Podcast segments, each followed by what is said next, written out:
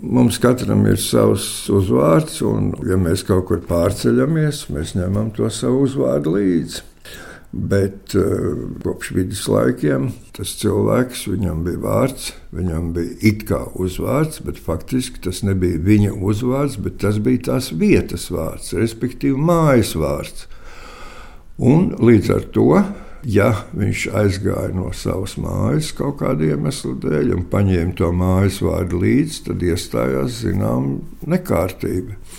Un tāpēc Zviedru laikos, tātad 17. gadsimtā, ja zemnieks aizgāja no savas sēdes, viņam bija aizliegts ņemt savu mājas vārdu līdzi un viņam palika tikai tas vārds. Un, ja viņš pārcēlās uz kādu citu māju, ja, tad, tad viņam bija jālieto tātad paša kristītais vārds ja, un tās mājas vārds, kur viņš dzīvo. Ar to es gribu teikt, ka viena no mūsu nacionālajām bagātībām ir māju vārdi. Diemžēl māju vārds dažādu iemeslu dēļ cilvēki ir, ir mēģinājuši uzlabot, nosaukt modernāk, jo viņi nav izpratuši, ko tas nozīmē.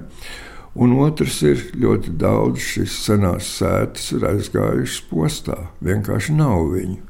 Un, piemēram, mums ir tā būs jau reklāma Brīvdabas muzeja.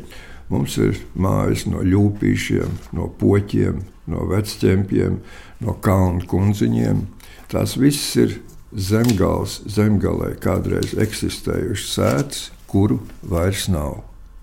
Un ja nu kādam ļoti gribas apbraukt un pētīt savu dzimto zemi, tad iesaku atnākt vispirms uz muzeju, sameklēt attiecīgi kādu māju viņa interesē, no kur novada, un pēc tam aizbraukt, apskatīties, vai tur kas ir palicis vai nav.